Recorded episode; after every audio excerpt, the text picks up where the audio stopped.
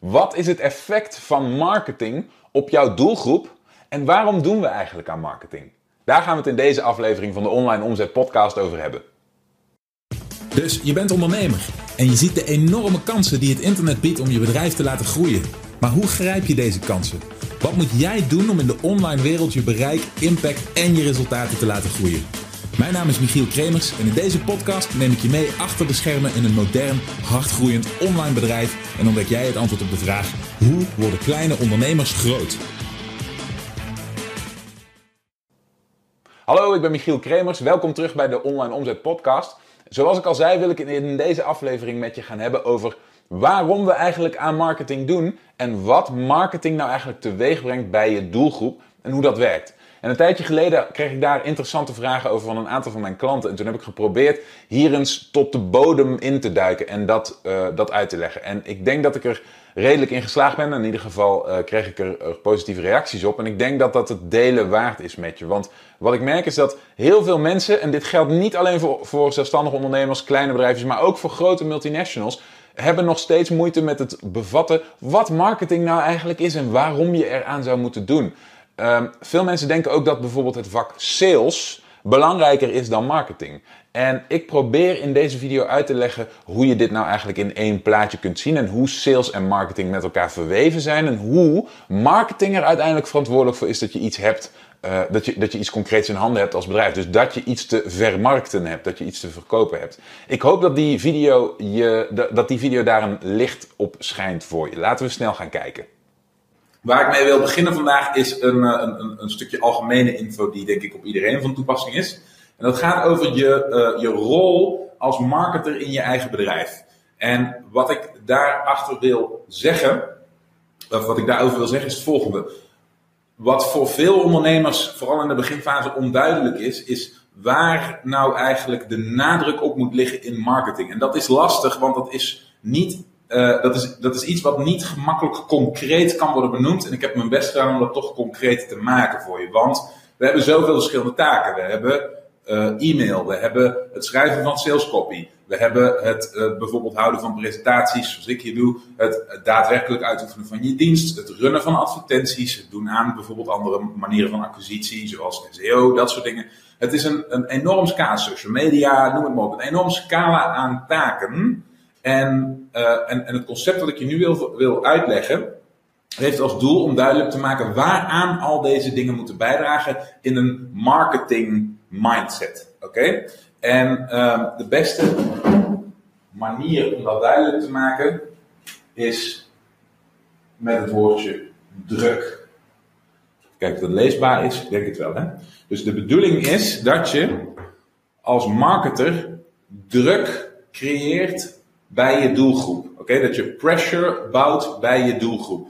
En wat betekent dat nou? Als jij in je communicatie, even, los van aanbiedingen, even los van uh, offers die je aan je doelgroep doet, bijvoorbeeld een, uh, een, een, tijdelijke actie of dat soort dingen, het daadwerkelijk aanbieden van je dienst of je product. Nee, in je algehele communicatie, ook in je sociale media post, ook in je pardon, e-mail, nieuwsbrieven, ook in je blogposts enzovoort. Als je daar communiceert over hetgene wat jouw doelgroep verlangt, oké, dan vergroot je eigenlijk dat verlangen. Dan uh, onderstreep je dat en dan leg je daar een focus op en dan breng je het naar voren in hun gedachtenwereld. En dat heeft als resultaat dat het verlangen bij die doelgroep groeit. Oké, dus dat de druk voor die doelgroep om het, zeg maar, probleem gekoppeld aan jouw dienst op te lossen groter wordt dan wanneer je ze niet herinnert aan dit plan. Dan wanneer je niet communiceert over dat verlangen wat ze hebben. Oké, Dus je creëert een steeds groter wordende druk. En hoe meer jij die druk weet te vergroten, hoe, hoe beter het is, hoe groter het verlangen wordt en hoe harder die doelgroep op zoek gaat naar een uitweg om die druk weer te verlagen. Oké? Dus de druk groeit en groeit en groeit en groeit, omdat jij communiceert over waar je doelgroep tegenaan loopt, waar ze mee zitten, wat hun uitdagingen zijn, wat hun problemen zijn. Oké? Daar communiceer je over. En hoe groter die druk wordt, hoe harder die doelgroep op zoek gaat naar een uitweg om die druk weer te verlagen. Die druk wordt zo groot dat het bij wijze van spreken oncomfortabel is voor je doelgroep. En dat zij dus een, uh, een, een, uitweg, een uitweg gaan zoeken uit die situatie. Oké? En wat is nou de rol van de marketer, van jou als marketer in je eigen onderneming? Jouw rol is om die druk op een gecontroleerde manier te laten ontsnappen bij je doelgroep via een door jou uh, gedirigeerde, georchestreerde uitweg in de vorm van een aanbod. Nou, dit is gemakkelijk te vertalen naar wat je hier ziet. Je ziet dus in de eerste instantie een doelgroep. En die doelgroep die heeft een probleem. Oké, Een probleem of een uitdaging. Hè? Dus, niet, dus niet meteen probleem kort door de bocht als in uh, dat, ze, dat ze ziek zijn of dat ze pijn hebben of dat ze iets in die richting. Nee, een probleem of een uitdaging. Iemand die een grote achtertuin heeft waarin het gras heel hard groeit in deze warme zomers als het een keer regent. Uh, heeft als uitdaging dat hij vaak het gras moet maaien. Dat is een uitdaging, oké? En wat er gebeurt is op het moment dat jij dus continu die persoon herinnert aan het feit dat zijn gras heel hard groeit, dat het vervelend is om de hele tijd gras te moeten maaien, dat het een fysiek inspannende activiteit is die hij elke keer moet herhalen, waar hij misschien geen tijd voor heeft. Oké? Als, je, als je hem daaraan herinnert, als je die communicatie op grote schaal inzet, dan zie je dat die druk steeds groter wordt die drukt als het ware, je kunt dit dus vergelijken met een ballon, zoals je hier ziet, die drukt als het ware op de wanden van die ballon. Dus dat probleem of die uitdaging, dat wordt in de ervaring van die doelgroep, wordt dat steeds groter. Oké? Die druk gaat duwen op die wanden en die wil eigenlijk ontsnappen. En wat is nou jouw rol als marketer in je eigen bedrijf? Jouw rol is om op een gecontroleerde manier, dus zie dit even als een speld, ja, Jij prikt, als het ware met een speld, zo, kan niet zo goed tekenen, prik jij die ballon lek en loopt daar al die druk uit. En dit doe je met een aanbod. Dus wat je hiermee eigenlijk ziet gebeuren is, het antwoord op een vraag die ik heel vaak krijg, is uh, goh, ik zie heel veel mensen posten op social media. Ik ben ondernemer geworden. Ik heb een, dienst te verkopen. Dus ik ga ook maar posten op social media. Goh, ik hoor iedereen over bloggen en over, uh, en over artikelen schrijven en over al dat soort dingen. Dus ik ga dat ook maar doen. Goh, ik zie iedereen met e-mail nieuwsbrieven aan de haal gaan. Dus ik ga die ook maar schrijven. Maar heel veel ondernemers worstelen met wat dat nou eigenlijk bijdraagt aan hun marketing. En wat je vaak ziet gebeuren is dat ze dan meteen dat daarin doorschieten en meteen alles gaan gebruiken als een excuus om een verkooppraatje te houden. Dus ineens wordt elke, uh, elke social media post wordt een, verkapte, uh, een verkapt aanbod. En ineens wordt iedere uh, blogpost wordt een sales letter. En ineens wordt, nou, je snapt ik bedoel. Ineens iedere e-mail die ze uitsturen wordt een, een, een aanbod aan de doelgroep. Maar het idee erachter is, natuurlijk moet je aanbiedingen doen. Maar die aanbiedingen zijn de gecontroleerde momenten waarop je druk laat ontsnappen, die je daarvoor hebt opgebouwd. Dus ook als jij een periode e-mails zou versturen aan je doelgroep, waarin je geen mogelijkheid tot kopen zou verwerken, oké? Je kunt er altijd een kleine verkoopmogelijkheid inbouwen, maar waarbij je niet de nadruk daarop legt, waarbij je bijvoorbeeld puur informatief overkomt, dan nog is je doel altijd om je doelgroep te herinneren aan het feit dat ze een uitdaging hebben dat ze eigenlijk een probleem hebben, dat het eigenlijk lastig is om dat probleem te hebben, dat het toch wel erg fijn zou zijn om dat probleem op te lossen. Oké? Dus ik zeg maar wat, stel dat je in de bouw zit, stel dat het gemiddelde bouwbedrijf werkt met bepaalde soorten beton die er lang over doen om op te drogen, hè? noem maar zo wat, dan, en, en jij hebt een speciaal beton of iets in die richting wat veel sneller opdroogt, dan is het voor jou als marketer in je eigen bedrijf belangrijk niet om je doelgroep continu jouw beton te verkopen, maar om ze eerst te herinneren aan het feit dat er een uitdaging is. En dat het erg handig is om die uitdaging op te lossen. Maar Jon, voor jou geldt hetzelfde.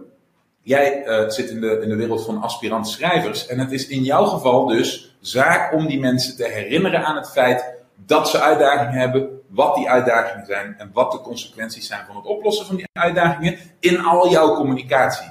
Ook in je social media posts, ook in je blogposts en al helemaal in je e-mail newsletters. Oké, Als je dat een periode doet, dan bouw je gecontroleerd die druk op.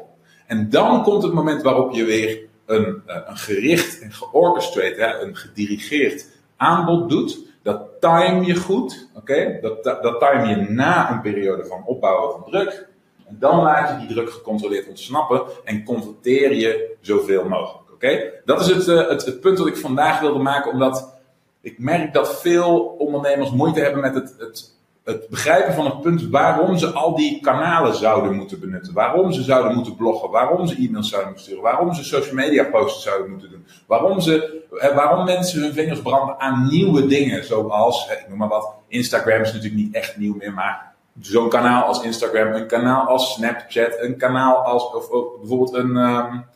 Um, een systeem als de chatfuncties van Facebook, hè, de chatbots, WhatsApp marketing, noem het allemaal op. Al die kanalen bieden jou de mogelijkheid om de druk te vergroten bij je doelgroep. Dus als je die doelgroep bereikbaar hebt gemaakt, dat is waar we altijd mee beginnen, die doelgroep bereikbaar maken. En je hebt dat gedaan via één kanaal en je bouwt inmiddels aan, de, de, aan druk via dat ene kanaal. Dan kun je je voorstellen dat als je daar kanalen aan toevoegt, hè, dus stel je hebt hier e-mail, dat is vaak waar we mee beginnen. Als eerste kanaal. Oké, en je voegt daarna, hè, je bouwt daarmee druk toe, dan gaat dat natuurlijk niet super snel. Als je daar vervolgens Facebook Messenger, nou ja, Facebook Posts aan toevoegt en dan Messenger en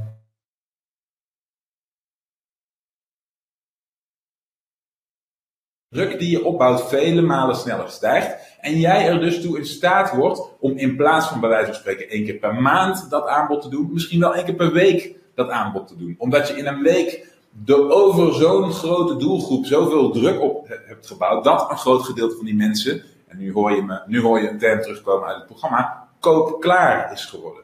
Dus als jij een grote hoeveelheid mensen in jouw achterban koopklaar hebt weten te maken, dan is het moment aangebroken om gecontroleerd die druk te laten ontsnappen.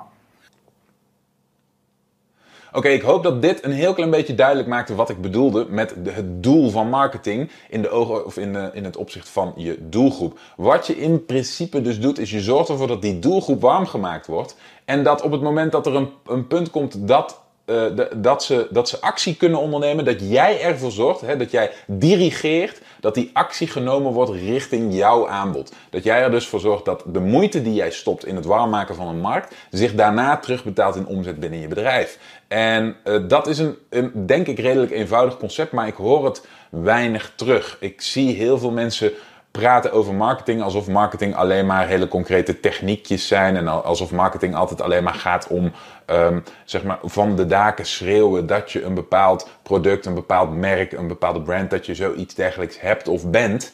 Maar dat het niet gaat over het gestructureerd en gedirigeerd opbouwen van druk. Om er vervolgens voor te zorgen dat je die druk, bij wijze van spreken, laat ontsnappen richting jouw aanbod. En er dus een commercieel voordeel mee behaalt.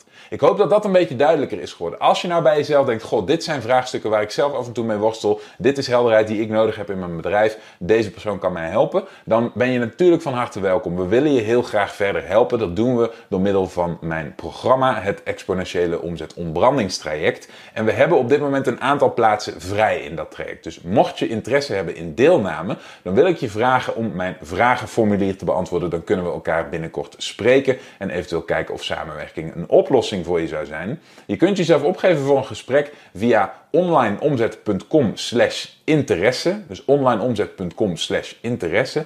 En als je daar de vragen eventjes invult, dan krijg je een uh, mogelijkheid om via een online kalender een afspraak met mij of mijn collega's in te plannen. En dan lijkt het ons hartstikke tof je binnenkort te spreken. In ieder geval, uh, hartelijk dank voor je aandacht en we spreken elkaar weer in de volgende aflevering. Tot dan.